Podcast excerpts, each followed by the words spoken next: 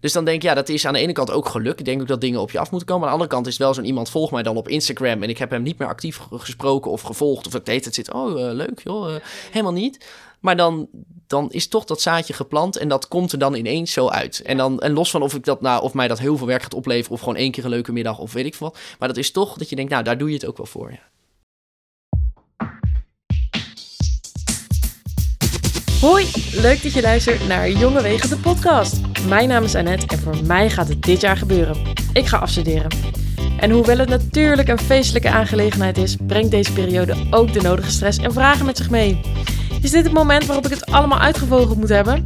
Wat wil ik nou eigenlijk? Wie ben ik nu eigenlijk? En ik heb wel een diploma, maar wat kan ik nu eigenlijk? Waarom voelt het alsof iedereen altijd weet wat hij aan het doen is en ik maar wat aanklungel? Hoe doen anderen dit? Om erachter te komen hoe anderen hun antwoorden vinden op deze en nog veel meer vragen, ga ik in gesprek. Ik spreek jongvolwassenen en bijna volwassenen die in hetzelfde schuitje zitten of zaten en er alle op hun eigen manier mee omgaan. In deze podcast praten we over keuzes maken, stappen zetten, erachter komen wat je wil en nog veel meer. Wil je niks missen? Volg me dan op Instagram via @jongewegen en abonneer je op de podcast. In deze aflevering spreek ik Daan Warnas. Daan is hard op weg om de nieuwe Matthijs van Nieuwkerk te worden. En als ik zo zijn loopbaanstappen een beetje volg, denk ik dat hij aardig op de goede weg is. Met zijn 22 jaar en nu al een eigen talkshow, een scala aan freelance klussen als presentator en sinds kort een nieuwe baan bij de GGD, ben ik benieuwd. Hoe komt hij aan al die mooie kansen? Is dat geluk hebben of is dat keihard werken om die eigen kansen te creëren?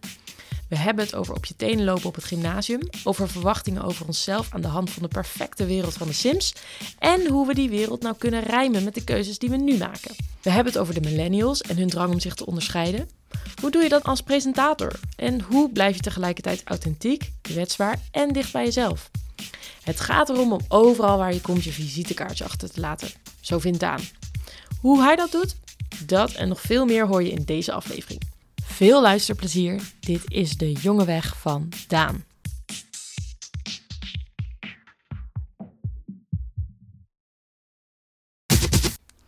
Nou, Leuk, Annette. fijn dat je er bent. Oh, je staat al aan. We staan al aan. Oké. Ik dacht, ik doe het gewoon en ik kan het er altijd uitknippen. Dat is goed. Toch? Zeker. Hey, eh, fijn dat je bent. Droog en wel aangekomen. En in de hectiek van je drukke baan zomaar tijd voor deze podcast. Ja, heel erg leuk. Ik denk, dit wil ik gewoon doen. Dat vind ik heel tof, ja. Ja, ja jij zoekt elke optie of mogelijkheid die er is, die, daar, daar ben je bij, of niet? Nou, eigenlijk wel, omdat ook heel veel dingen zijn toch weer nieuw. Dus het Ja. komt dan op mijn pad, als het ware. En dan denk ik, waarom zou ik het niet doen? En dan, dan kan ik niet zo heel snel iets bedenken. Ik denk, nou, dan doe ik het gewoon. Ja. ja. Ja, dus, maar daardoor heb je ook wel altijd heel veel te doen. Ja, dat klopt. Ehm, maar aan de andere kant, als je ervan geniet en het is weer iets nieuws, dan kun je Ja. in ieder geval zeggen, ik heb het een keer gedaan. Eh, Dat is waar. waaronder podcast, want daar hoor ik veel over. En mensen Ja. zeggen dus, waarom doe jij er niks mee? En dan denk ik, ja, ik weet het niet, want ik ken het eigenlijk niet zo. Dus Ja. dit is voor het eerst ook dat ik eh, in een podcast zit. Ja, Ja. Nou, ik ben blij dat ik je primeur mag zijn. ik ook. Hey Daan, zullen we meteen even beginnen met een Pickwick praatje? Pickwick praat. Pickwick praat. Hij spreekt waarschijnlijk voor zich, maar ik zal je nog even verblijden met een korte uitleg. In de rubriek Pickwick praat starten we het gesprek met een vraag die mijn gast voorleest vanaf een theezakje. Je kent ze vast wel, die labeltjes die aan zo'n theezakje zitten van Pickwick. Je zult zien dat ze soms geheel willekeurig zijn en nergens aan gerelateerd. Een beetje zo'n gevalletje van awkward eerste date. Maar soms komen ze opvallend dicht bij de thema's die we in deze podcast bespreken. Oh, en dit is trouwens geen gesponsorde rubriek, maar mocht je bij Pickwick werken, dan mag je me natuurlijk altijd contacten. Met een Pickwick praatje. Nou, ik zie de Autumn Storm, die lust ik, maar het gaat natuurlijk om de inhoud. Ja, zeker. Je mag hem uitpakken. Wat was voor jou een levensveranderende ervaring? Zo, Zo, krijgen we eindelijk een beetje een goede vraag. jeetje. Zo, nou ja, jij bent eerst. Ja, Levensverandering. Oh, ik ga ook vast nadenken. ja, dat is echt een goede vraag. Hmm. Oeh, ja, het is altijd het eerste waar je aan moet denken, is eigenlijk meteen goed, hè? Ja. Ehm, ik heb eh, twee jaar geleden, zeg ik dat goed? Ja, volgens mij wel, heb ik eh, mijn ogen laten lezen. Ja. Oh, ik ben Ja. nu al jaloers op dit verhaal. Oh, want jij hebt ook lenzen? Ja, Nou. en gekloot dat ik heb. Altijd. Ik zou het eigenlijk doen. Maar goed, ik, Ja? ik ken je specificaties niet, maar ik zou het gewoon doen. Want ik had dus een bril en ik wilde eigenlijk niet aan Ja. lenzen. Dat vond ik ook te veel gekloot. Ik ben heel onhandig, dus ik dacht, dat doen we niet. Ik ga mijn eh, ogen laten lezen. Nou, dat kon. En ik ging echt van eh, toch een beetje onzeker met altijd een bril en dat ik dacht, "Hmm, ik weet het niet. Ja. Naar, nou ja, open blik en gewoon altijd gewoon volop kunnen lachen en volop kunnen zien. Misschien Ja, nog wel wat Je belangrijker. ziet nu gewoon, weet je wel, dat er iets tussen de bakstenen zit. In plaats van gewoon één bruine, grijze. Ja, en, en met name natuurlijk op vakantie of als het lekker weer is, dat je dan denk, dan denk je altijd zoiets van, hup, alles uit eh, Oh, en, en bril af en dan, ja. dan zag je niks. En nu kun je gewoon overal van genieten, van uitzichten. Ja, dus dat Ja. is wel echt, dat raad ik sowieso aan iedereen aan. En dus ook aan jou. Misschien toch een investering om over na te denken. Ja, ik zag vanochtend weer in de krant staan dat wij, eh, onze generatie, gewoon geen huis gaat krijgen als we niet gewoon flink sparen. Dus ik dacht, ja, ik, mo- ik mag niks meer uitgeven. Ik moet alleen maar sparen voor het huis. Maar ja, dat slaat natuurlijk ook helemaal nergens op. Ik Dus weet niet of ik dit had willen weten, maar goed. Als optimist. Nee, sorry. Nee, Ja, dat geeft niet. nee maar goed. Oké, terug naar... Wat was ook weer de vraag concreet? jouw, eh, wat was voor jou een levensveranderende ervaring? Ja, ik vind het wel best wel confronterend dat jij zegt het eerste wat je denkt is goed. Want ik dacht dus aan dat moment dat ik ja, letterlijk op dat scootertje in Vietnam rondreed. Maar ja, dat is natuurlijk echt zo'n cliché-ervaring van eh, ik heb mezelf gevonden. Maar ik vond dat scooteren echt geweldig. Gewoon dat je gewoon die vrijheid en niet in zo'n auto, dat is, voel je je altijd zo helemaal in zo'n transform ding. Maar op een scooter ja, ben je ja. een soort van heel vrij en aan het fietsen, maar niet zelf aan het fietsen. Ja, precies. Oké, dus en dan daar in, in Vietnam door de smalle straatjes, dingetjes. Nou ja, vooral gewoon, weet je wel, natuur, groene area's, eilanden. Ja, ik vond het fantastisch. Ik vond het helemaal prachtig. Alleen, als ik zeg, ik vond het leuk om te scooteren... dan voel ik me dus echt gewoon zo'n zo'n tokkiefiguur... wat letterlijk op de scooter even eh, een kratje bier gaat halen. Ja, oké. Dus jij wil dat eigenlijk niet zeggen, maar het is wel zo. Ja, het is, wel- ja, dat is eigenlijk het geval, ja. Goed, da- laten we dit snel achter ons laten. Oké, dat is goed. Dit is Ik- wel beschamend. Ik zie het beeld voor me, dus dat is goed. Fijn. hey, ehm, Daan. Mhm. Dat is je naam. Maar wie ben jij? Wat, zit- wat zit er achter Daan en wat doe jij? Nou, ik ben eh, Daan Warnas. Ik ben 22 jaar en ik ben eigenlijk presentator. Dat wil zeggen dat ik eh, een eigen talkshow heb in Zeist. Eh, ik vertel maar meteen ook even over, weet je wat ik nu al zo wat doe in het dagelijks leven. Ehm, in Zeist, dus bij de lokale omroep, Slotstad RTV, daar heb ik echt een eigen talkshow. Dat heet Studio Daan. Nou, eh, toepasselijke naam. En eh, daarnaast doe ik ook eh, verschillende presentatiedingen bij beeld en geluid. Of bij andere opdrachtgevers. En nu heb ik dus sinds kort ook een baan bij de GGD, waar ik eigenlijk host ben. Van hele inhoudelijke programma's eigenlijk. Ja, Maar waarbij ik eigenlijk vooral zelf veel aan het presenteren ben. En nou ja, op verschillende manieren betrokken ben bij nou ja, alles wat met media en eh, camera's en dat soort dingen te maken heeft. ja, fantastisch. En deze baan is echt gloednieuw. Gisteren gehoord of eergisteren? Eh eergisteren, ja. Ja. ja. toen eh, hoorde ik van, eh, nou, bij de GGD mag je beginnen. Helemaal in jouw straatje en actueel. Ja, nou ja, dat is het vooral. Want ik ben echt begonnen als presentator eigenlijk in de coronatijd. Toen dacht ik, nou, ik ga, wil gewoon beginnen en vind maar eens werk nu in de media. Want Ja. dat is niet echt heel essentieel. Nee. Dus ja, waar kom je dan uit? Toen dacht ik, ik begin gewoon bij de lokale omroep. Daar is veel ruimte. Ja, heb je dat zelf bedacht? Sorry, ik haak meteen in. Nee, eigenlijk niet. Want ik, ik heb wel hetzelfde initiatief genomen. Maar er was Ja. eigenlijk een andere jongen die ook veel met presenteren deed. Die ongeveer net zo oud is, maar op een of andere manier echt ook heel lekker bezig was. En toen dacht ik, oh, als hij het kan, dan kan ik het ook. Ja, En ja. hij zei, nou, je moet het gewoon, gewoon proberen bij jouw lokale omroep. Die is er vast wel, probeer maar eens. En zelf kom je daar als jongere niet zo snel op van... oh, er is ook een lokale omroep Nee. hier. En eh, toen heb ik gewoon gestuurd en werd meteen met open armen ontvangen. Dus eh hele goede suggestie. Superleuk. Eh, en heel dankbaar tot nu toe, dus ja. dat is grappig. Dan, eigenlijk heb je dan maar één iemand nodig die zo'n zo'n push geeft. Ja, Die ja. dat idee in je hoofd plant en dat je denkt, ja, eigenlijk is dit heel logisch. Ja, zeker. Nou ja, en dat, dat hoop ik dan ook nog een beetje met mijn verhaal nu hier. Dat mensen dan denken, Ja. oh, maar misschien kan ik ook wel. Want ik geloof daar wel heel erg in, ja. Ja. Nou, mooi. Dan gaan we meteen helemaal verder met dat verhaal. Mhm. hey, want ehm, allemaal presentatieklussen, maar je bent daar niet zomaar in gerold. Je hebt ook gestudeerd. Ja, Wat heb je gedaan? Ik heb eh, culturele en maatschappelijke vorming gedaan. Dat is een hele mond vol. Eh, het valt eigenlijk onder sociaal werk, maar het gaat dus heel erg om het verbinden van mensen, het organiseren van evenementen. En ehm, nou ja, eh, het, het blijft nog steeds na vijf jaar studeren eh, moeilijk om dat uit te leggen. Eh, eigenlijk door goed te luisteren, eigenlijk mensen op de goede plek te krijgen. Ja, Dat is eigenlijk een beetje de, de essentie van de opleiding. oké. Heel mooi gezegd. Mooi gezegd. En je zegt vijf jaar, volgens mij is die studie vier jaar, maar je hebt ook een bestuursjaar gedaan, hè? Ja, klopt. Ik heb een bestuursjaar gedaan Ja. bij eh Fidius eh, Studentenunie. Nou, zo kennen wij elkaar ook, omdat Precies, we natuurlijk ja. eh, tegelijk actief waren. Dus Ja. dat is heel leuk. Jij bij Stukkenvest en ik bij Fidius. Zeker. En eh Fidius was echt een soort studentenvakbond, zou je kunnen zeggen. Dus best wel politiek gericht ook van... oké, er zijn in Utrecht zoveel studenten... die hebben een mening nodig. En ik was degene die eigenlijk als extern gezicht altijd overal bij alle verenigingen, Ja. ook bij jullie, eh, altijd over de vloer kwam van hey, wij organiseren dit of eh, hoe zit het met dat, om maar eh, zichtbaar te zijn en om te Ja. zorgen dat studenten gehoord werden. Ja. Ja, dat is grappig, want toen was je natuurlijk het gezicht van Vidius. Dus dan wil je jezelf laten zien om Vidius te representeren. Maar eh, nu ben je Daan Warnas en wil je jezelf ook presenteren als Daan Warnas. Is, was dat toen ook al een beetje dat je dacht van ik ga daarmee oefenen van overal mijn gezicht laten zien? Of deed je dat toen echt in het kader van je rol daar bij Vidius? Hmm, dat is een hele goede vraag. Ik denk dat het allebei is. Dus dat, Ja. het, eh, dat het ook in je persoonlijkheid moet zitten. Ik bedoel, als jij een rol hebt als externe, maar je voelt je daar niet fijn mee, dan zie je dat ook. Ja. En ik was wel degene waar ik aan moet denken. Is eigenlijk vlak voor corona was dat. Toen hadden we nog een eh, algemene vergadering. Ja, Dus dan eh, waren er uit heel Utrecht allerlei studenten van allerlei verenigingen. En die kende je allemaal wel een beetje, want dat zijn vaak dezelfde gezichten Ja. natuurlijk. En eh, er was, het ging allemaal over financiën en heel erg over de inhoud. En ik was vicevoorzitter, dus ik was eigenlijk niet echt, tenminste niet heel verantwoordelijk voor die inhoud. Ja, ja. Dus ik was degene die nog net even iedereen in die zaal net weer even, altijd even over de schouders en altijd Ja, even overal mee praten, aanraken. Terwijl die- het bestuur, zeg maar, de andere drie zaten helemaal met de handen in het haar van spannend, moeilijk. En ik was alleen maar bezig met netwerken, leuk. En echt niet omdat ik alleen maar aan het werk ben, maar gewoon omdat ik dacht, ja, dit is wie ik ben. Dus ik was me daar wel heel erg aan het ontplooien. Zo van, oh, dat is Daan. En die moet altijd weer met iedereen eh, even babbelen en, en aan je zitten en er weer even kletsen. En och, Ja. weet je wel, zo. Nou, Ja, want, want dat je nu presentator bent en groter wil worden daarin, is dat ook in die periode nog meer gevormd? Dat je dacht van, hé, hey, maar juist dat contact en, en het zijn van iemand en dat je mensen kent, dat lijkt toen nog meer te zijn gegroeid. Of zie ik dat verkeerd? Ja, dat klopt. Maar dat, eh, dat zijn ook twee parallele dingen. Want ik was Ja. op de achtergrond ook nog eh, werkzaam bij het Beeld en Geluidmuseum in Oh, ja. Hilversum. eh, waar ik eerst in principe gewoon publieksbegeleider was. Dus gewoon nou ja, op de vloer mensen ontvangen. Maar toen er bijzondere evenementen kwamen... en ook toen er op een gegeven moment karaoke gezongen moest worden... met mensen die gewoon in een avondprogramma zaten...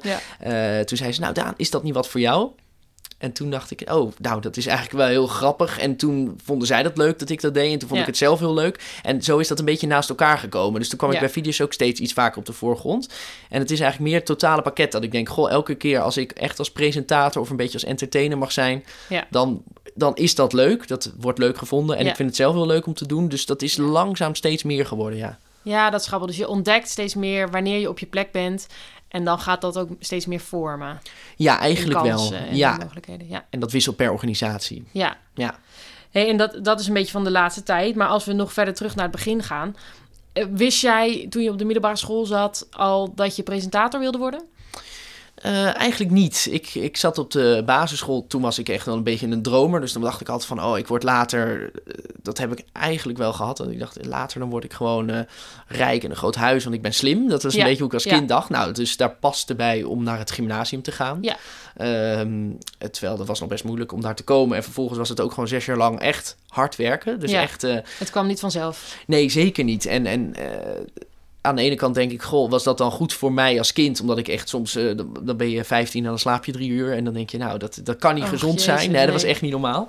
Ehm, Deed je dat... eh, sorry, ik, Nee. ik eh, ga maar. val zomaar erin. Deed je dat omdat je dat zelf wilde of moest van jezelf? Of voelde je ook een soort van druk vanuit familie of omgeving? Ehm, nou, in principe deed ik dat zelf. Ik denk wel dat ik altijd als iets heb gehad naar familie toe... of eh, een beetje mijn kring, zeg maar zo... van ik wil laten zien dat ik het waar maak. En meestal lukt het ook, dus dan is dat mooi. En andersom heb ik het gelukkig niet echt dat ik denk... ik kan het niet waarmaken. Nee. Maar wel dat ik gewoon dacht, ja, ik ben nu aan het gymnasium begonnen. En het gaat mij niet om dat ik per se eh, Grieks wil kunnen. Of eh, weet je wel, alles wat je daar leert. Mhm. De helft van die dingen, of drie kwart van die dingen ben ik allemaal weer vergeten Ja. natuurlijk. Ja, ja, ja. Maar wel omdat ik op die school dat gewoon ga afmaken. Ik ga dat gewoon halen. Dus eigenlijk een heel duidelijk doel. Eh, maar in die tijd, om nog antwoord te geven op je vorige vraag... had ik niet zoiets van, ik wil presentator worden. Ik dacht meer, Nee. ik ga gewoon iets hoog studeren... en dan ga ik gewoon kijken wat ik dan kan worden. Ja. Maar dat was wel meer zo van achter de scherm. Want ik dacht, zoiets als presentator, dat is net iets te leuk. Of dan, dat- Ja. daar ben ik niet leuk genoeg voor. Dat had ik een Ja. beetje uit mijn hoofd gezet, ja. En, en misschien dus ook wel dat je voelde, ik moet iets met, die, met mijn brein, weet je wel, met mijn gymnasium. Ja, nou ja, wel zo van, eh, dat hoorde ik wel vaak. Van, oh, je bent zo slim, dus je moet dat wel, Ja, je moet daar wel iets mee doen. En Ja. eh, het is wel leuk als je, eh, als je het beste uit jezelf haalt, weet je wel. Ja. Anders is het zonde. Ja, en dat, Ja. weet ik. Als je, als je zo jong bent, heb je geen idee natuurlijk. Nee, en dat wordt dan dus ook geassocieerd met eh, wetenschappelijke opleiding is vaak eh, het hoogst haalbare, hè? Ja, ja, Eh, zeg maar qua niveau dan. Dus dan moet je, als je het kan, moet je dat doen. Dus ja. dat het beste uit jezelf halen. Klopt, ja. En, en dat vind ik dus wel leuk dat ik dat dus niet heb gedaan. Omdat ik dus Ja. naar eh, CNV ben gegaan, naar Social Work eh, op de Hogeschool Utrecht. Ja. En eh, eigenlijk ging uit mijn klas, was misschien eentje ook die niet HBO ging doen. De rest ging natuurlijk, zou je kunnen zeggen, naar de universiteit. Maar ik dacht, ja, ik zie dat gewoon niet voor me. Ik heb zes jaar lang nu dit gedaan en ik Ja. ben heel blij dat het klaar is. En uiteindelijk, ik blik er best positief op terug, maar het was wel echt te hard werken. En toen begon ik gewoon op de HU en toen kon ik mijn vakken doen. Maar het kriebelde ook om meer te gaan doen. Want ik dacht, ik voel me hier veel meer op mijn plek. Ik ben veel relaxter. Ik Ja. ben meer mezelf. Ik kan gewoon na school ben ik niet helemaal doorleefd en heb ik geen zin meer. Maar Ja, toen dacht ik, ik ga mijn wereld veel meer creëren hier op school. Eh, en ga dus actief worden bij een vereniging. En ik ga in de medezeggenschap. En daar is het Ja. eigenlijk helemaal begonnen van... oh, ik heb zelf regie over mijn leven. Nou, dat was fantastisch. maar, maar toch vind ik het moeilijk te rijmen met dat jij ook aan de andere kant het idee had: hè, ik word eh, slim en rijk en ik ga een groot huis krijgen. Ja, dat snap ik. Nou, Want CMV is niet, eh, staat niet bovenaan de opleiding met de grootste baankans en eh, financiële zekerheid. Geloof ik. Nee, niet bovenaan, oftewel wel onderaan zou je Ja. bijna kunnen zeggen, inderdaad. Ja. Ehm, nee, dat klopt. Eh, dus dat, was, dat is moeilijk te rijmen. Ehm, en ik denk dat het ook wel te maken heeft met toch de steun van mijn ouders, die dan altijd zeiden van, ja, weet je, je doet wat je leuk vindt. En dan al heel snel weer zeiden van, oh ja, maar jij gaat nu er iets naast doen met een studievereniging. Nou, heb ik zelf toen opgericht bijvoorbeeld en in de medezeggenschap. Dus je doet wel dingen ernaast om jezelf waardevol te maken. En dat was een soort van, ook ik kreeg wel een soort van groen licht van, eh, het is wel Ja. goed. En, en ik- Wachtte je daarop? Had je dat nodig om zo'n stap te zetten? Mm, weet ik niet. Het was een beetje een natuurlijke wisselwerking, denk ik. Ja. Ik denk dat je ouders dan toch... denk dat dat altijd je opvoeding dat dat heel veel bepaalt. En Ja. dat het eh, vaak heel positief kan zijn... maar toch ook bij sommige mensen best wel negatief. Want dan kom je pas heel laat achter dat je iets helemaal verkeerd hebt Ja. gedaan. En ik heb vooral zoiets van... ja, weet je, tot op de dag van vandaag word ik heel erg gesteund in wat ik doe... En dat, dat is toch wel heel belangrijk. Ik denk dat het, als het Ja. vanuit huis altijd heel erg was van... pff, eh, hij moet weer... Weet je, dat, ik denk dat dat heel anders was geweest. Dus Ja. daar ben ik wel onbewust heel, eh, heel blij mee, ja. Ja, dat is grappig, want het is ook wel een hele bijzondere periode. Die, die volgens mij zeggen ze wel tussen je 27, 17e en 24 of zo, is echt die periode dat je nog zo afhankelijk bent van je ouders, maar er ook van los wil komen. Dat er heel veel van die overtuigingen die je hebt van wat je ouders over jou vinden, of, of van jou denken, of van jou verwachten, die zitten nog zo in hoe jij ook naar jezelf kijkt.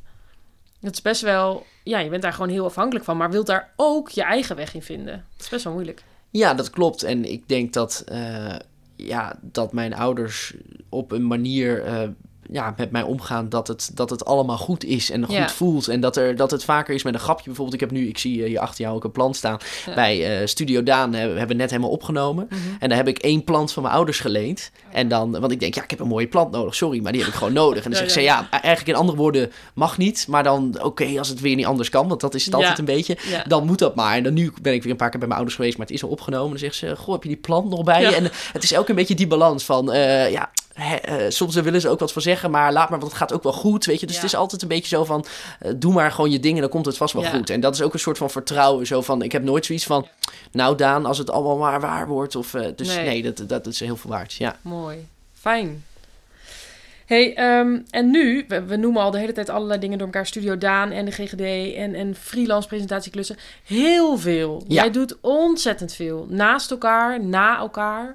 Ehm, eh, zijn al die, die keuzes eigenlijk die je maakt, dus stappen in jouw loopbaan, zijn dat altijd eh, tactische keuzes? Maak je die heel eh, doordacht?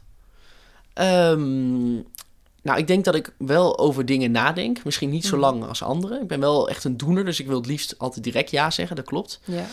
Ehm, maar ik denk dat het uiteindelijk bijdraagt wel aan het grotere doel. Dus soms kan het doel ook zijn om het af te strepen.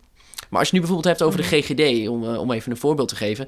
Ik, ik werk nu dus officieel als eh, host en contentmaker. Ze zeiden, ja, geef het maar een titel, want het is allemaal nieuw natuurlijk met Dat heb jij corona. zelf mogen bedenken? Ja, min of meer. Kijk, Oh, hilarisch. was natuurlijk een profiel, maar ja, zeg, eh, hoe schrijf je het op op LinkedIn? Ja, weet ik veel, weet je wel. Ja, Doe maar host ja. en contentmaker, dus dat ik ook met een camera op pad ga.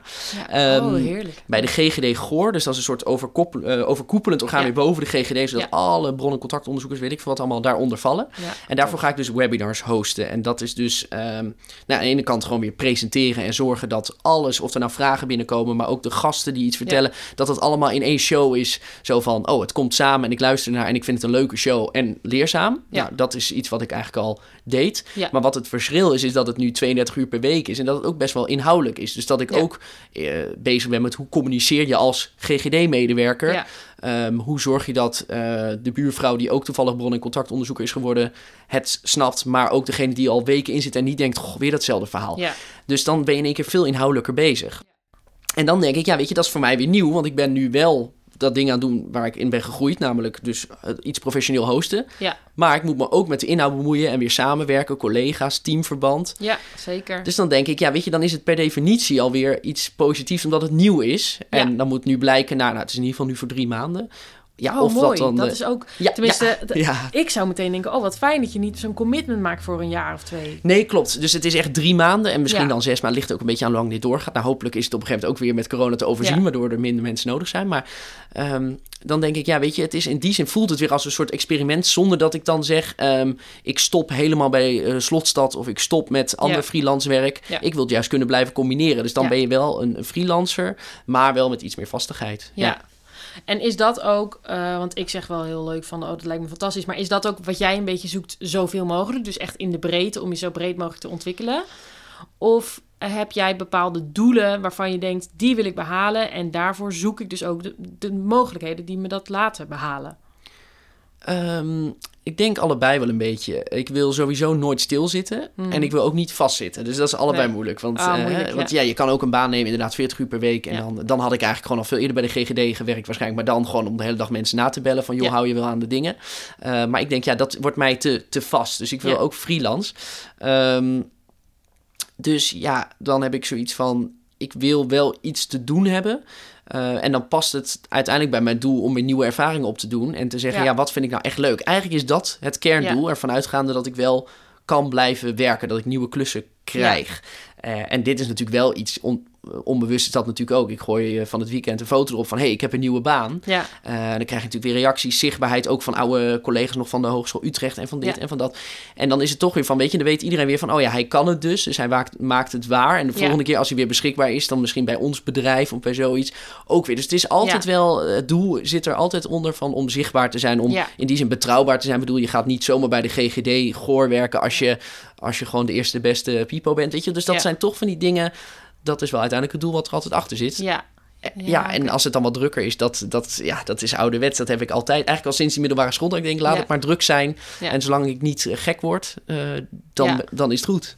Ja, druk. Maar nu is het wel, klinkt het op meer op een manier en een richting die je zelf echt hebt gekozen. Ja. Waar het op het gymnasium echt wel gewoon was bikkelen met je Frans tot in de nacht. eh, ja, Ja, letterlijk. Iets Ja, minder. klopt. eh, Iets minder vrij. Nee, ja. Ja. eh, maar ik denk dat het ook allemaal te maken heeft met leeftijd. En dat je nu op deze leeftijd gewoon meer regie hebt. Eh, en jij op jouw leeftijd dat je dus zegt... ik wil eigenlijk gewoon een podcast gaan maken. want Daar word ik gelukkig van. En dan kost het ook geen energie. ja, Terwijl op het moment dat je dus hè, ergens in zit waarvan je denkt, ja, het kost me heel veel energie, dan, ja, dan, dan, ja, dan kost het eigenlijk nog veel meer dan alleen op dat moment dat je ermee bezig bent, maar ook al, dat, al die tijd eromheen, zeg maar. ja.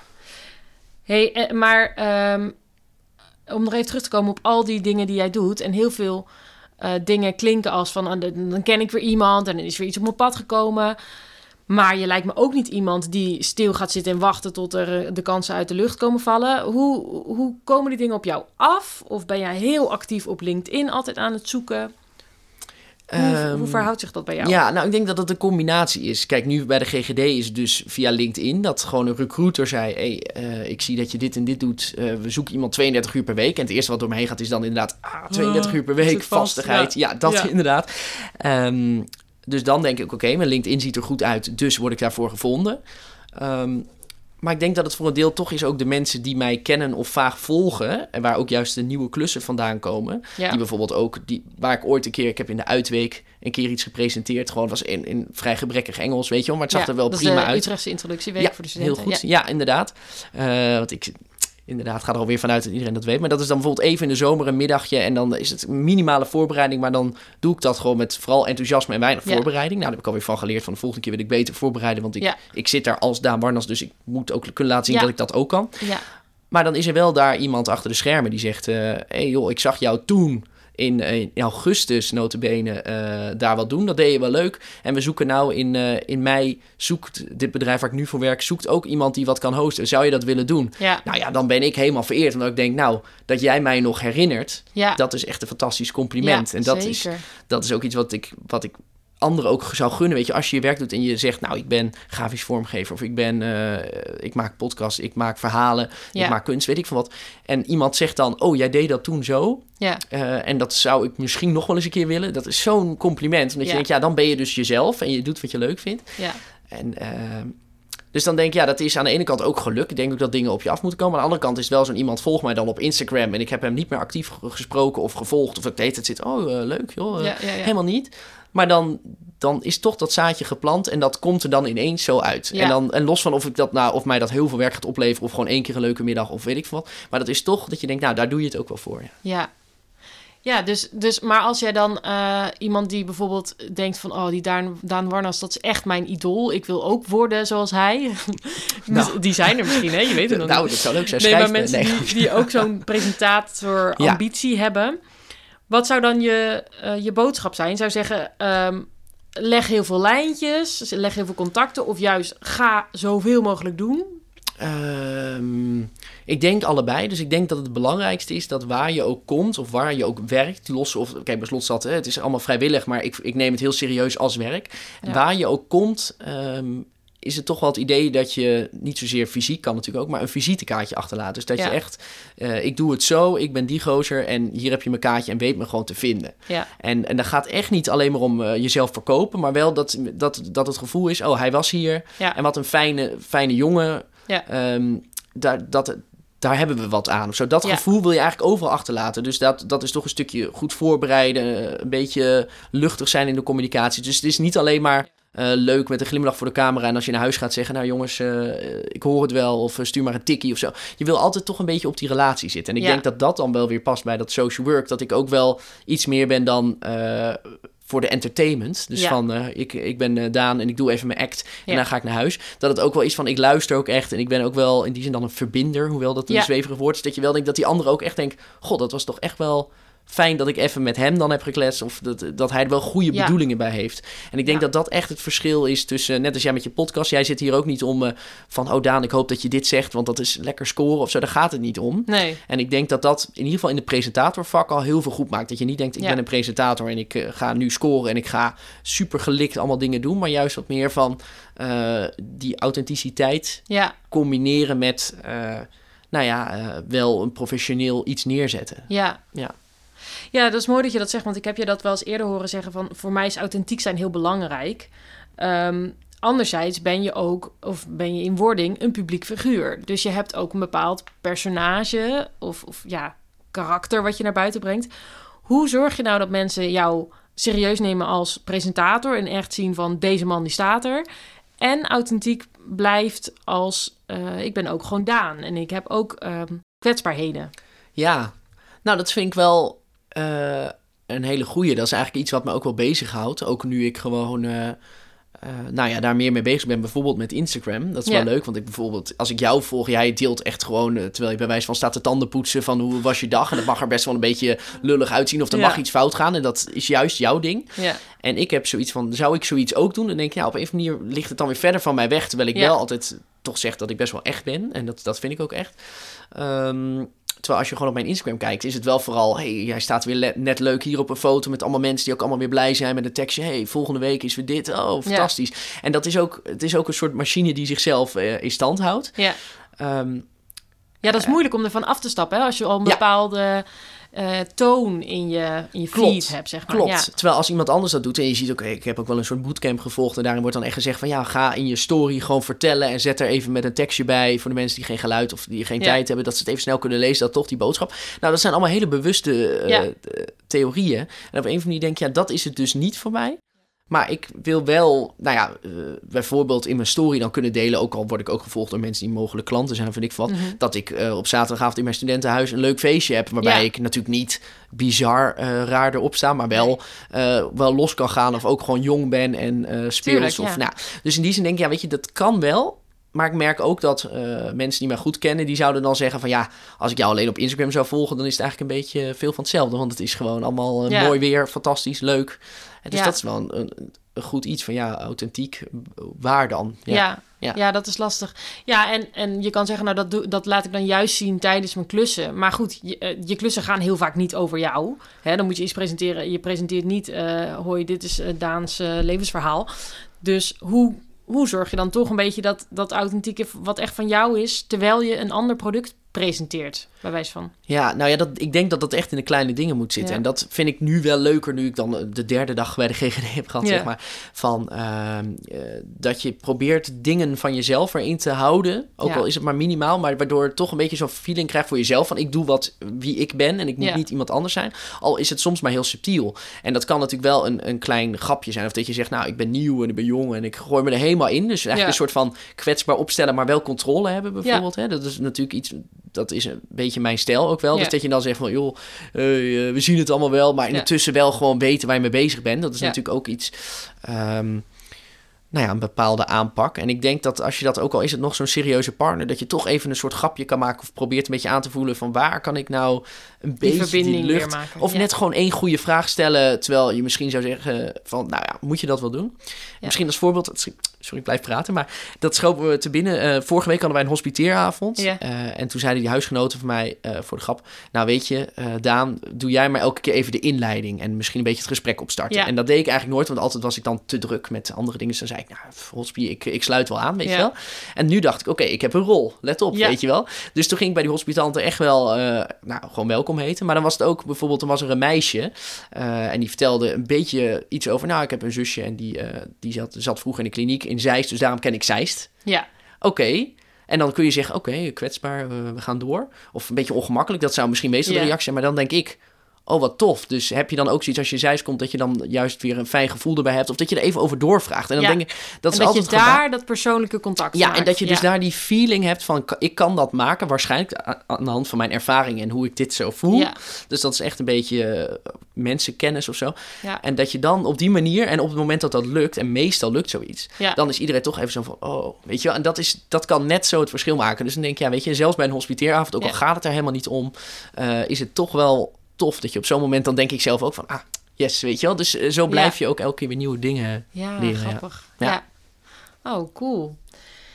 Ehm, hey, weet je wat ik ook wel heel boeiend vind? Jij bent hartstikke jong, 22, Mhm. en eh, bent nu freelance allemaal klussen aan het doen. Jij, jij wil daar geld voor hebben. Jij bent iets waard. Ja, Hoe kom je er nou achter? Hoe bepaal je dan? Ik wil zoveel geld voor deze klus. Ja, dat is een goede vraag. Ik denk dat dat bij mij vooral was ehm, omdat ik ging kletsen met nou ja, leeftijdsgenoten slash eh, mensen die ook freelancer waren. En ik Mhm. weet dat ik twee jaar geleden, tweeënhalf misschien zelfs, toen ik kletste met iemand bij Beeld en Geluid. Eh, dat was dan de grafisch vormgever bijvoorbeeld. Ehm, en die zei dan gewoon, en die was wel iets ouder hoor, maar die zei dan van ja, ik vraag gewoon, eh, weet ik wel, 65 euro per uur. Ja. Nou, mijn mond viel open, want ik dacht, weet je, ik was natuurlijk nog jonger, ik was nog aan het studeren en ik dacht echt, nou nooit dat je dat kan vragen, weet je wel. Nooit. En nu, ehm, nou ja, en ik heb dus ook met diezelfde gozer die ook zegt, ga misschien bij de lokale omroep proberen. Die zei ook, nou, ik verdien zoveel en dat, eh, dat is gewoon een paar honderd. En dan kan je gewoon vragen. En ik dacht helemaal van, nou, dat kan niet, weet je, Ja. dat bestaat niet. Maar op, op het moment dat je dus, ehm, nou ja, toch meer portfolio hebt. Ja. En meer een soort algemeen bekend eh, repertoire of zo. Zo van, oké, dit kun je allemaal een beetje en dat kun je laten zien. Ja. Dan in één keer merk je van, nou, dat is gewoon iets waard. En dan Ja. eh, ga je met wat mensen kletsen die dus eh, wel vaker een presentator inhuren. En die zeggen dan van, nou ja, dan zou je wel ongeveer zoiets kunnen vragen. Eh, en dat ligt ook een beetje aan het soort bedrijf. Dus bij een groter bedrijf durf ik ook wel brutaler te zijn. Dus ik heb nu wel, dat mag je best weten.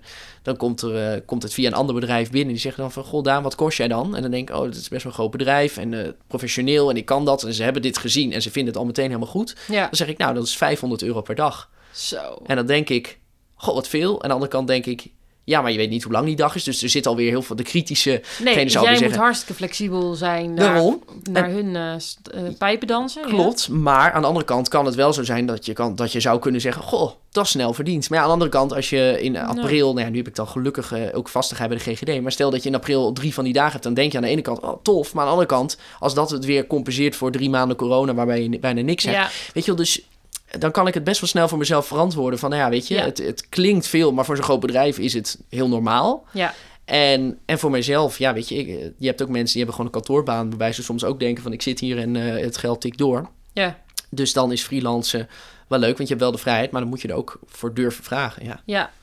Hey, maar zo'n portfolio bouwen, waar, waarmee je dus kan laten zien, ik ben echt al iemand. Heb je heel bewust echt een, aan, gebouwd aan een portfolio en ook dingen echt gratis gedaan? Of is zo'n portfolio een soort van organisch gevormd, omdat je allemaal dingen deden die uiteindelijk binnen dit straatje vallen? Ehm, nou, het is vooral organisch. En dat merk ik nu, nu ik bezig ben met een eigen website. Dus die komt echt eh, binnenkort online. Dat heet ook gewoon damarnos.nl. Maar dat is Leuk, gewoon, weet ja. je wel, met een paar foto's. En dat je gewoon heel snel een beetje een feeling krijgt van dit is het ongeveer.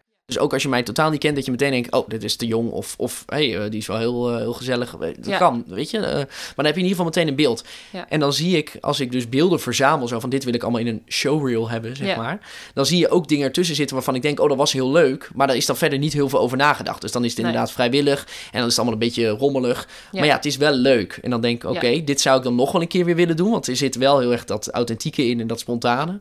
Maar dan op een iets professioneler niveau. Dat je het kan gebruiken als... Ja, als beeldmateriaal en als, als iets nuttigs. En in die zin denk ik, ja, ik ben nu wel meer... en dat scheelt natuurlijk bij de lokale omroep... dat je dingen gaat doen. Dan is het allemaal in goede kwaliteit gemaakt. Ehm, Ja, en dat dan, is heel en, mooi. En ja. dan heb je het allemaal. En dus ik ben nu wel meer bezig van als ik nu weer iets nieuws zou maken bij de lokale omroep.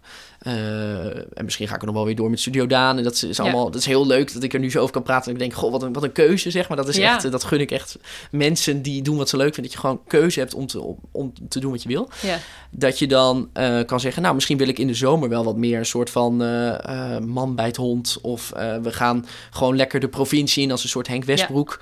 Hè, zo'n pre- presentator van, nou we gaan deze week even hier kijken. En dan Ja. is het wel een stukje inhoud, maar ook gewoon lekker eh, een beetje klokhuisgevoel van we gaan lekker op pad. Het kijkt Ja. lekker weg, relax, een nummertje eronder. En dat vind ik dan ook leuk om te maken. En dan kan Ja. ik zelf weer testen. Eh, kan ik dit ook of vind ik dit ook echt leuk? ja. En het is weer voor het portfolio van, oh ja, dus in die past het ook nog wel. Dus het is altijd, eh, het is wel altijd toch tactisch. Ik denk dat de Ja. tactische wel steeds meer erin ja, zit. Ja. precies. En dat is nu ook steeds meer omdat je meer al ziet... Je ziet meer een lijn in wat je kan, Ja. wat je leuk vindt. En wat zijn vruchten ook afwerpt. Dus Ja, eh, ehm, kijk, bijvoorbeeld met zo'n bestuursjaar met, bij Fidius. Dat was echt ontzettend leuk. Eh, Mhm. en ik kwam op heel veel plekken en bij de gemeenteraad. Maar toen ik daarna dus ontdekte van... ja, ik wil eigenlijk niet in de politiek. Nee. Dan heb je daar wel een mooie eh, bubbel en een fijne groep mensen zitten. ja. Maar waar jij vervolgens niks aan hebt. En zij denken ook van... ja, wij kennen hem vooral als die ene student... die maatschappelijk iets vond... Maar niet als presentator. Dus eh, dan heb je bijvoorbeeld een hele groep die wel interessant is. En waar Ja. ik op zich wel graag nog een keer iets voor zou doen. Maar die mij nooit zo zouden vragen. Want die kennen mij zo niet. En andersom denk ik ook, ja, ik heb ook geen politieke ambities. Dus ik kan ook niet zoveel met hen. Snap je? Dus dan. eh, dus nu is eigenlijk alles, alle mensen met wie ik werk, een soort potentieel om nog weer mee samen te werken. Of, eh, dus Ja, vind je dat ergens ook niet een soort van beangstigend? Want als je het zo noemt, dan is dus Fidius nu, dat bestuursjaar, eigenlijk een soort van... Nou het is geen verloren tijd, want je hebt daar dus ontdekt van... Hè, ik vind juist dat politieke niet zo leuk, maar ik zit op die mensen, op die verbinding. Ehm, maar nu heb je dan dus een beetje een niche die je aan het kiezen bent. Ben je dan niet bang, stel dat je over vijf jaar iets heel anders leuks vindt... dat je veel te veel in, die, in een niche bent gaan zitten? Ehm, nou, ik ben niet zozeer bang om in een niche te gaan zitten, want ik geloof er nog steeds wel erg in. Stel dat ik over 15 jaar denk, goh, nou, ik word toch wel politiek actief, want ik vind er allemaal wat van. En dan, dan zou dat allemaal nog steeds wel kunnen. En dan komt die ervaring, hoewel dat dan wel is weggezakt natuurlijk. Ja. Maar dat zit er dan nog steeds. Dus ik heb niet het idee dat het van die niche een probleem is. Mm. Maar wel, toen je zei het woord bang, toen dacht ik wel aan, nou meer de angst dat je dus iets inderdaad voor niks, of dat je, ehm, Ja, dat je je tijd aan het verspillen bent. ja. Dus dat was ook het eerste. Toen, mijn eerste dag bij de GGD dacht ik wel meteen van, goh, straks zit ik hier wel vast, zeg maar. En, eh, en, en, dan, en dan, weet je wel, dat is wel meteen. Dus ik ben ook zo gewend dat het allemaal lekker zijn gangetje gaat. Dat het ook dan wel eng is van wat nou als het een keer heel erg tegenvalt. Of als het een domme keuze is. Of als het... Ja, dus dat vind ik dan wel inderdaad wel eng. Dan denk ik, oeh, ja. Ja. Nou, ik vind dat dus wel iets heel interessants. Want ik merk, ik heb dit zelf ook heel erg. Dat ik bang ben voor vastigheid. En dat, dat gaat echt tot in relaties aan toe, zeg maar. Maar volgens mij is het ook best wel iets van onze generatie. Dat we bang zijn om ons vast te leggen. eh, commitments te maken. Terwijl, volgens mij, jaren terug was het echt zo van... Oh, je hebt een vaste baan. Oh, gelukkig. Weet je wel, echt even ademhalen. Terwijl heel veel mensen in mijn omgeving nu zo... Ik wil echt niet vastzitten hoor. Nee, ik hop, hop, hop naar de volgende baan. Weet je wel, Waar- waarom is dat? Wat is dat, naar jouw idee? Wat is dat? Ja. ehm, Poeh, ja, daar zou je iets heel filosofisch van kunnen maken. En ik, eh, ik, ik ben niet zo filosofisch, dus dat is wel interessant. Nee, ja, ik denk eigenlijk dat er ehm, in onze generatie, om het zo te zeggen, dat klinkt ook zo raar, maar om dan te zeggen ehm, dat misschien veel jongeren zoiets hebben van, pff, ik wil niet zo worden als die groep boven mij die allemaal een beetje vastzit. Eh, het systeem of de overheid of allemaal dingen die niet echt goed zijn of waar je niet echt warm van wordt. Eh, dus ik wil dat anders doen. En ik, ik ben wel heel benieuwd wat het dan op een gegeven moment gaat worden. Want het kan niet zo zijn dat iedereen een soort eh, ja, vrije vogel, freelance, Nee. Unieke talenten heeft om alles dat zomaar te doen. Dus ik ben heel benieuwd waar dat dan heen gaat. Ja, ik vind dat dus wel, want zeker nu ook natuurlijk een beetje met Instagram en zo, je moet je, lijkt het bijna, je moet je onderscheiden. Nou, Je ik heb het nog meer op. zien. Ja, zeker. Maar ik heb dat eigenlijk nog meer op LinkedIn natuurlijk. Want daar zitten dan niet de mensen op die per se. Eh, niet alleen de mensen op die ook zeg maar in onze branche met presenteren en, Mhm. en kunst en dat soort dingen bezig zijn. Maar juist ook de mensen die zeggen: Nou, ik doe eh, rechtsgeleerdheid en ik zoek nog een stage bij dit en Ja. dat. En oh, kijk eens wat een fantastisch bedrijf. En hoeveel likes en bedrijfskunde. Nou, noem allemaal maar op. Ja, Dus in die zin is het één grote eh, markt van allemaal mensen die allemaal eigenlijk zo hard mogelijk willen laten zien: van kijk eens wat ik kan. ja, En ehm, ik denk dat dat wel beangstigend is als je wat jonger bent of als je moet beginnen. ja, Eh, en dat is natuurlijk nu helemaal opgekomen, de, zowel Instagram als eh, LinkedIn. Dus dat is, heb ik voor mijn gevoel, is het ook een beetje meegegroeid, zeg maar, in onze jaren. ja. Ja, en dan, weet je wel, eh, hoe ga jij dan als beginneling dan opvallen erin? Ja, en is dat dus het ultieme? Dat je, dat je opvalt en dat je echt een persoon bent. En kijk, jij moet natuurlijk, als je presentator wil zijn, moet je wel iemand zijn. Je, moet, je kan niet gewoon de eerste, de beste Henkie eh, zijn. Maar eh, het lijkt gewoon in elke categorie wel een soort van... dat we allemaal maar die bewijsdrang hebben om echt te laten zien... ik ben iemand, ik sta ergens voor. Ik ga me echt niet ergens aan committen, want als dat het niet is... dan heb ik tijd verspild en ik moet iemand worden. Weet je wel? Heel krampachtig. Ja, ja.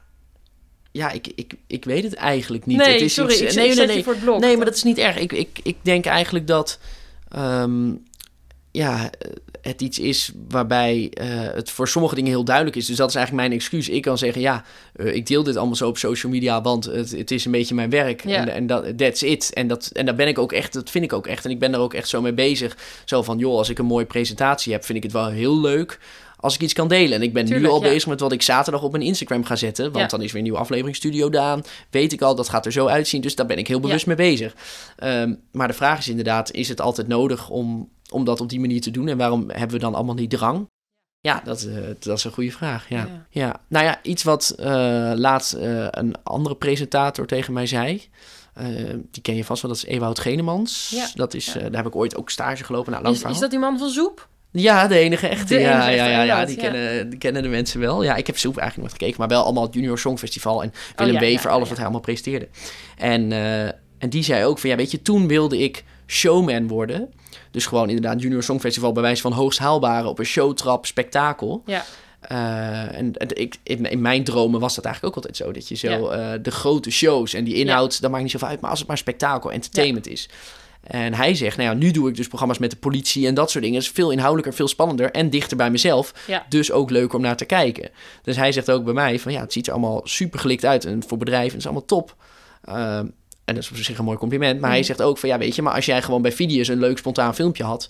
Of je ging even op pad eh, voor dit of dat. En het was niet super professioneel, maar je was wel lekker in je kloffie op pad. Ja, Dat is ook leuk, want dat ligt ook weer dicht bij jezelf. Dus het is Ja. ook niet altijd het ultieme om maar het perfecte plaatje te zijn en vervolgens. Dus nee, er zitten altijd gradaties in, denk het ik. is ook een stukje leeftijd misschien. Ik Ja. zou, eh, als ik jong ben, ook minder snel durven om, om eh, bewijs van de, die pukkel te laten zien. Want je Mhm. denkt nog dat je overal op afgekeurd wordt. Ja. En over een paar jaar de- zie je misschien de charme daarvan, weet je wel? Ja, ja. Niet dus, letterlijk van de pukkel, maar...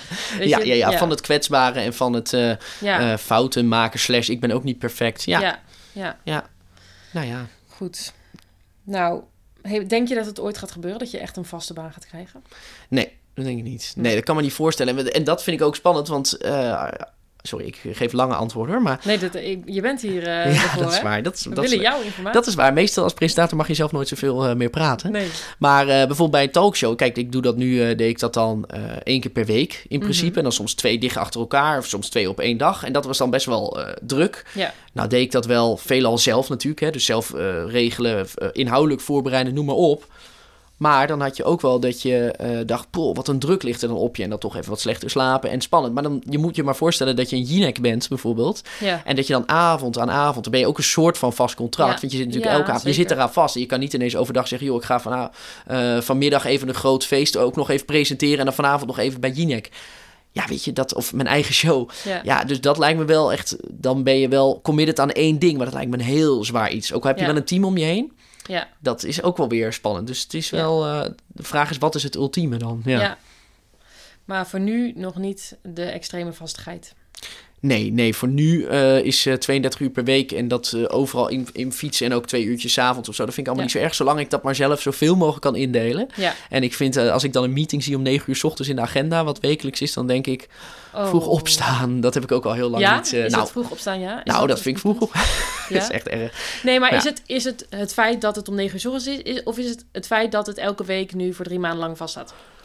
Oeh, nou ja, eh, mijn eh, primaire reactie is natuurlijk het eerste van oh, vroeg opstaan, want dat Ja. was ik niet meer gewend. Maar goed, daar wen je natuurlijk wel weer aan als je wat vaker eh, in zo'n ritme zit. En dat is ook wel weer lekker, want dan heb je iets meer rust in de avond.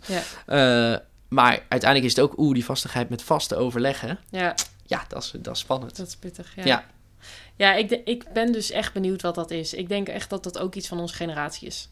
Ja, Maar ik ben benieuwd hoe andere gasten... Ik ga het ook eens met andere gasten bespreken. ja, dat is wel een goed thema. Ja, ik, nee, ik durf het niet te zeggen. Ik, ik probeer het eh, te peilen. Ja, ik heb één huisgenoot die doet diergeneeskunde en die moet dus elke ochtend eh, om een bepaalde tijd al in de kliniek zijn. Die, is gewoon van 9 tot 5 bezig met, eh, met paarden en honden en dat allemaal aan het verzorgen. En dat vindt ze superleuk. Dat is haar passie. En die kan dat, terwijl ze nu dan 24 is en dan gaat ze dat voor de rest van haar leven doen. Dus ik denk, Ja. ik, nou, dat kan. Maar ik krijg er helemaal totale uitslag van dat ik denk, oh, ook omdat ik niet zoveel met eh, bloedende dieren heb. Maar, ja, sorry, maar, maar dan ben ik echt, dan denk ik echt van, eh, oh, ik moet er zij- geen haar op mijn hoofd, zeg maar, die zegt, ja, dat wil ik ook. Nee, maar zij is er natuurlijk wel al vanaf dag één eh, van haar studie. Weet ze, als, als dierenarts ga je niet een soort van lekker leuk freelancen. Waarschijnlijk ga je in een praktijk werken en gaan dat vaste tijden zijn. Ja. De- volgens mij werkt dat zo. Volgens mij ook, ja, Dus ik denk ook dat je er op een gegeven moment een beetje op ingesteld raakt, misschien. dat is waar. Maar dan ben ik benieuwd wat er gebeurt met de mensen die zich vooraf instellen op een soort van freelance vrijheid. Ja, En uiteindelijk de harde realiteit van eh, een echt vaste baan. Ja, Of waarmaken, dat Ja. kan ook. Maar ja, dan zit je vast natuurlijk. Spannend. Negatieve, negatieve uitspraak, daar zit je vast. Vast, ja. ja, terwijl er dus ook heel veel mensen zijn die dat fantastisch vinden. Hè, hè, eindelijk een vaste baan. Ja, en dat snap ik ook. Ja. Want dan ben je wel, kun je wel zeggen, inderdaad, eh, zoals het bijvoorbeeld bij een groot bedrijf zou gaan, zoals bij de GGD, Ja. van, weet je, eh, we hebben hard gewerkt, het is hectisch en het is soms ook even bellen in de avond en in het weekend. Maar in principe ben ik om vijf uur even klaar. Nou, dat Ja, is, dat is heel, het wereld van verschil. Ja, en ik denk ook ergens dat wij ook wel vanuit een bepaalde luxe zijn opgevoed. Dat je ook nooit. eh, ik heb niet de angst dat ik nooit geld zal hebben. Ik denk wel dat, dat er altijd genoeg zal zijn. En dus ik voel ook niet de noodzaak om me te committen aan een, een 9-to-5 job, 40 uur in de week. Eh, even een kleine nuance. Ik bedoel dus een baan waarin ik 40 uur in de week iets doe waar ik niet gelukkig van word.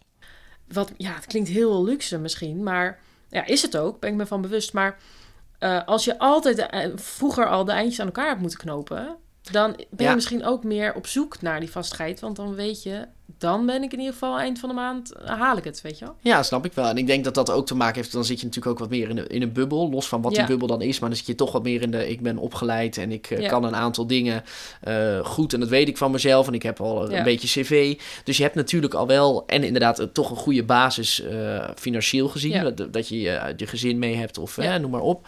Ik denk dat dat ook dingen zijn waar, waar je best wel vaak ook bij stil mag staan van, goh, mooi eigenlijk. Of Ja. fijn dat dat zo mag zijn. Zeker. Ehm, Maar dan nog steeds, weet je, ehm, je wil het ook wel waarmaken nog steeds. Dus je Ja. wil nog steeds zeggen, misschien van- juist. Nou ja, inderdaad, dat is natuurlijk wel, dat, dat merk ik dan wel eens in mijn omgeving. Dat zijn juist degenen die dan sulletjes vindt, of die sulletjes worden genoemd, zijn dan degene van, oh, die heeft toch rijke ouders en, eh, en die doet wel dit en dat. Maar ik ga ook een beetje bekak van, praten. Ja, ja. Maar, eh, maar ondertussen eh, zit hij maar een beetje bier te zuipen en hij doet niks, maar hij is wel van die familie en hij moet het allemaal... Kijk, dat is natuurlijk ook lullig. Ehm, Dus dat wil je dan ook weer niet. Nou, niet dat wij, Nee, je wilt ons echt wel kak, laten maar- zien van, hè, ik ben van goede afkomst. Maar ik, la ik werk ook gewoon keihard voor mijn geld. En ik werk op mijn manier aan mijn toekomst. Ja, en dan denk ik toch dat het hem zit in dicht bij jezelf blijven. Dus dat je echt Ja. zegt van ja, weet je, dit maakt mij onderscheidend en dat is wat waard. En Ja. eh, dat, dat moet gewoon zo zijn. Dus, Ja. En dat je er wat voor krijgt, maar ook dat je zegt ik blijf dicht bij mezelf en ik heb daar zelf een soort regie over. Want op het moment dat je daarin wordt geleefd of dat je in een organisatie zit en denkt van "Poh, ik kan, ik kan mijn ei eigenlijk niet kwijt of ik zit nu in een soort van omdat het van me verwacht wordt. Ja. Ja, dan dat hou je bijna niet vol, zou je zeggen, weet je. Nee. En, en, en nou, dat is dan, als ik terugblik op bijvoorbeeld op video's, dat kwam pas later in het jaar van, oh, als ik geen zin heb in het overleg, dan doe ik het niet. Of als ik Ja. eh, een beetje mezelf wil laten, een beetje grappig wil opstellen, dan doe ik dat wel. Terwijl je Ja. eerder zou zeggen van, ja, maar je bent een vertegenwoordiger van, of je werkt Ja. hier of hier. En merk steeds meer van, oh ja, dus als jij iets gekkiger of iets losser bent, eh, ja, of je laat wat meer zien van, ik ben ook presentator hoor, weet je wel ja. dan is dat niet iets waarvoor je wordt afgeschoten. Terwijl je van tevoren misschien wel zou denken, doe maar Ja. normaal, dan eh, doe je gek genoeg. Zo komt alles weer samen. Ja, nou ja, ik, ik, van... ja, Ja. ik daag je echt uit. Dat vind ik echt leuk. Of ik daag de mensen die luisteren ook uit om, ehm, ja, om to- toch te proberen. En dat klinkt als zo cliché van wees jezelf, maar vooral van eh, als jij iets, nu in iets zit, ook al is het je les of zo, weet ik veel. En je moet in een werkgroep zitten en dat is heel saai. Mm.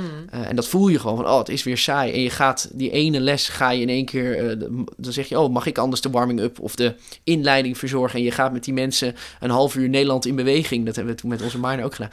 Nederland in beweging doen voor de webcam. En het is allemaal super gênant en debiel. Maar als iedereen vraagt, goh, wat weet je nog van die half jaar les van de minor in die coronatijd? Is het, oh, Nederland in beweging. Weet je, dat is toch net Ja. dat ene. En jij denkt zelf ook, goh, dat heb ik maar mooi geflikt. Ja. En, en een ander die denkt, eh, goh, oh, dat was jij van die Nederland in beweging. Terwijl anders dan zit je alleen maar achter je webcam een beetje te wachten tot, eh, Ja. ja. tot je les of dat je een papiertje hebt of zo. Dus dat, ja, dat hoop ik toch dat mensen dat, dat voelen ook een beetje. Van joh, doe je maar... hebt zelf daar de actie in te ondernemen. Ja, en dan hoef je dus niet de leukste of de grappigste ter wereld te zijn. Maar je kan wel zeggen, nou, laat mij maar even zoiets doen. Want dat is iets wat bij mij past of wat ik wel een keer wil proberen. Ja, En dan zal je verbazen dat je kop er niet zomaar af wordt eh, eh, gehakt van eh, wat een debiel. ja, Ja, fijn. Dat vind ik een fijn vooruitzicht. Dat Ja. mijn hoofd erop blijft zitten.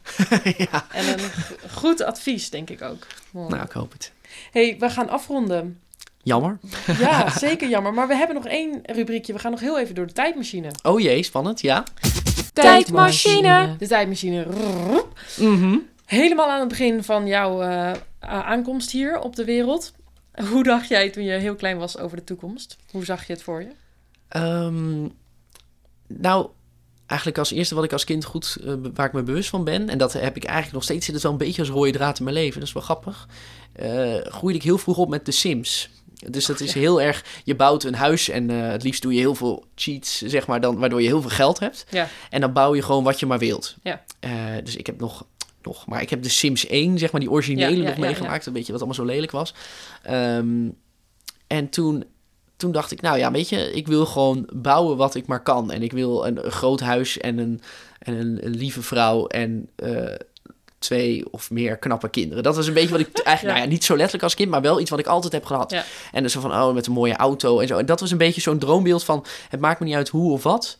Maar dat lijkt me in ieder geval wel een heel mooi einddoel. En dat vind ik eigenlijk nog steeds. Ehm, en ik, er zijn ook gelukkig tegenwoordig allemaal theorieën voor dat het ook echt werkt. Om een plaatje bij wijze van boven je bed te hangen van een, Jazeker. van een droomhuis of een vakantiehuis. Of iets waarvan je denkt, daar wil ik naartoe of daar werk ik voor. En als je dat boven je bed hangt en je kijkt er elke dag naar, dan denk je, dat ga ik op een dag Ja. krijgen. En dat is dan vaak ook zo. Dus daar Ja. geloof ik nu helemaal heilig in. Dus je hebt een screenshot van jouw Sims-spel. Heb jij gewoon zo naast je bed? Ja, nou, eh, bij wijze van wel. Ja. Ja. En ik zou nu eerder op zoek gaan naar toch wel een echt plaatje of een echt huis. Want dat is iets, eh dat kan ik iets beter uitleggen als er dan weer een keer iemand over de vloer is. Maar, maar het is wel dat je denkt van ja, weet je, in die zin eh, voelt het leven wel zo maakbaar. Ja, dan denk ik ja, dus dat, dat Ja. eigenlijk toch dat mooie huis, hoe kinderachtig dat ook klinkt, toch was dat iets wat ik als kind al dacht, dat wil ik. En, eh, en vroeger dacht ik nog met allemaal van die bewegende beelden in mijn voortuin, die dan allemaal van die poppen die je zo van zouden ontvangen van hallo. Oh ja. En dan dat je denkt, waarom zou je in godsnaam je hele voortuin vol zetten met van die bewegende poppen? Maar ja, was ik als kind, leek me dat fantastisch. Maar die valt nu een beetje uit de fantasie, denk ik. Oké, dat, nou, dat is denk ik ook wel aan te raden om niet zo te leven. Maar goed, ieder zijn ding. Misschien als je 50 bent, weet je wel, zo'n grote... Ja, ja, ja als ik dat? Abraham, denk ik. hè? ja, precies, ja. Of is dat 60? Nou, maakt niet uit. Ehm, hey, en nu? Als we doorspoelen naar het nu. Wat is voor jou nu het belangrijkste in je leven? Ik denk eh, vooral gelukkig zijn met de dingen die ik doe. Hoewel Mhm. dat dan heel cliché klinkt, maar dat is toch iets waar je wel echt eh, wat je mag koesteren. Dus met Ja. de mensen om je heen. En in die zin denk ik, nou, tot nu toe ben ik of zijn we in mijn omgeving de corona toch wel goed doorgekomen. Veel eh, positieve dingen. Ook wel juist dat je met bepaalde vrienden zijn. Wat goed dat we nu elkaar vaker hebben gezien. Want da- dan weet je ook dat het goed zit of zo. Terwijl Ja. normaal was het toch altijd, oh, even tussendoor, even bellen. Ja, komt nou niet uit. Ja. Ehm, en nou ja, ik hoop gewoon dat ik zo in deze lijn door mag gaan Ja. met dingen die ik doe. En ehm, ja, als je er stil bij staat, dan is eigenlijk eh, dat geluk is dan eigenlijk de- aan de ene kant wel dat, dat je werkt naar een eigen huisje en een eigen boompje Mhm. beestje, zeg maar. Maar tegelijkertijd heb ik het veel over werk ook. Dus dat past er wel in. Maar als je dan zegt wat is dan echt belangrijk, dan gaat het toch wel om de fijne mensen om je heen. Ja. En ehm, nou ja, ik hoop vooral dat dat zo, zoveel mogelijk zo mag blijven. Ik denk dat dat het eigenlijk is. Dus ik, eh, ik zou er geen extreme wensen hebben. Nee, Nee. saai, maar Nee, eh, heel, ba- heel bazaal. Houd, houd bij de kern. Heel goed. ja. Hey, en eh, als we doorspoelen naar de toekomst. Als jij nou heel oud mag worden. Stel een mannetje van 90, verschrompeld en wel. Leuk. Hoe hoop je terug te kijken op, op je leven? Ja, goh. Nou, ik hoop vooral wel trots, maar dan echt op het idee van eh, ehm, mensen wisten wie Daan Warnas was. Dat zou ik wel mooi vinden. Dat kan heel Ja. breed zijn. Dus eh, dat kan zijn zoals Mark Rutte, dat je over, als je mensen over 50 jaar vraagt wie was Mark Rutte, dat iedereen weet, oh, dat was die man. Ja, je hoopt Ehm, wel en- een beetje een positieve connotatie bij jouw naam, toch? Ja, dat zou leuk zijn als het inderdaad wel iets positiever is. Maar aan de andere kant, weet je, kijk, oh, dat is ook met de tijd, weet je, er gaat altijd, eh, hoe bekender of hoe meer het wordt, hoe groter de kans is dat er iets misgaat. En eh, dat zijn allemaal dingen die ongetwijfeld een keer gaan gebeuren. Dus ook dat, ehm, dat zal er ook een keer bij komen. Maar wel dat je echt kan zeggen, nou, ik heb wel een verschil gemaakt of ik heb, ben in ieder geval opgevallen. Ik heb dingen gedaan, ik heb geleefd. Ehm, dus dat je die momenten, in die zin zou het leven wel zoals Instagram mogen zijn, dat je gewoon echt kan zeggen, goh, kijk, al die hoogtepunten is man, verdorie man, ah, dit en dat en dat. Ja, En dan eh, met als rode draad dat mensen wel altijd dachten, oh, dat is, dat is Daan. Dat is Ja. geen, eh, die, wa- niet van die was er ook, nee, die Ja. was er of die was er niet. Ja, dat is wel, eh, mooi. Dat zeg je mooi. We gaan afronden. dat is goed. Ja, Dankjewel voor je komst. Ik vond het echt een heel mooi gesprek wat we hebben gehad. nou dankjewel. Ja, ik werd er wel heel blij van eigenlijk. Ik werd er heel, eh, misschien is het ook omdat de zon schijnt, dat maakt in coronatijd ook al veel uit. Maar ik dacht wel van, goh, wat, wat fijn dat je zo geïnteresseerd dingen vraagt en ook al die dingen helemaal van me wist. Weet je, dat je je zo goed Ja. hebt voorbereid dat ik ook echt zo van, wow, ik voelde niet, want normaal voel ik als interviewer de neiging om altijd natuurlijk, vooral ook uit beleefdheid, maar sowieso van, en hoe zit dat dan bij jou? Terwijl nu is Oh het ja, juist ja. van, nee, ga maar door met Ja, praten. Dat is zo zeker. grappig dat je denkt, oh, nou, ja, met liefde, ja. Ik ben heel benieuwd naar jouw verhaal. Kijk, ik zie natuurlijk, wat je zelf ook zegt, ik zie zoveel aan de buitenkant van jou. Eh, op LinkedIn, je hebt echt een, eh, ik, ik ging jouw LinkedIn uitprinten, letterlijk vier pagina's. hè? En de gemiddelde zijn er gewoon twee. Ja, Eh, nee, dat is helemaal mooi. Maar dat je dan ook wil weten, wat zit er dan achter? Wat is jouw beleving? Dat vind ik dan het mooiste om dan naar boven te krijgen. Ja, nou ja, ik denk dat het in die zin zeker is gelukt. En ik hoop ook dat jij gewoon met je podcast eh, zo door kan gaan. En eh, ik hoop het ook. ja, dat je, ja, weet ik niet waar dat gaat uitkomen, maar dat zou ook nog wel eens heel, eh heel Nou, als jij hem nou deelt onder al je vrienden en kennissen. Ja, dat ga ik zeker doen. En op LinkedIn natuurlijk. ja, precies. Daar moeten we het maken. Ja, hey, ehm, dankjewel. Tot de volgende keer.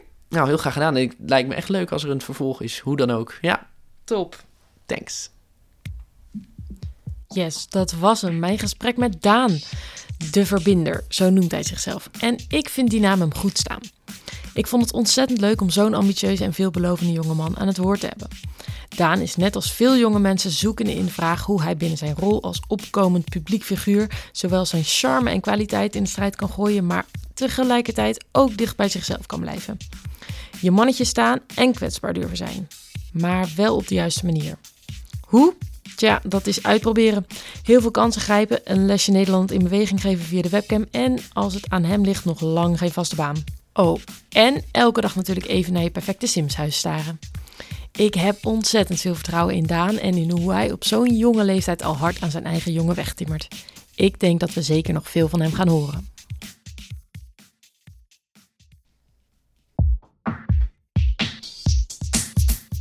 Dit was alweer de allereerste aflevering van Jonge Wegen de podcast. Ik ben super benieuwd hoe je het vond en wat je meeneemt uit het gesprek met Daan. Hoe laat jij je visitekaartje achter? En hoe denk jij over vastzitten in een baan? Ik vind het superleuk als je een reactie geeft. Dat kan via Instagram, waar je me kunt volgen via @jongewegen. En je kunt me daar ook een bericht sturen. Je kunt de podcast volgen op je favoriete podcastkanaal. En als je het nou leuk vindt, kun je hem ook delen met je vrienden en familie. Dat zou ik heel leuk vinden, want ik hoop natuurlijk dat zoveel mogelijk mensen waarde kunnen halen uit deze gesprek. Je kunt natuurlijk ook een review achterlaten. Dat zou ik al helemaal geweldig vinden. Dit was hem, de allereerste aflevering van Jonge Wegen de podcast. Gemaakt door mij, Annette Pijper, en de muziek is van Bastiaan Ilmer. Tot snel weer. Joe!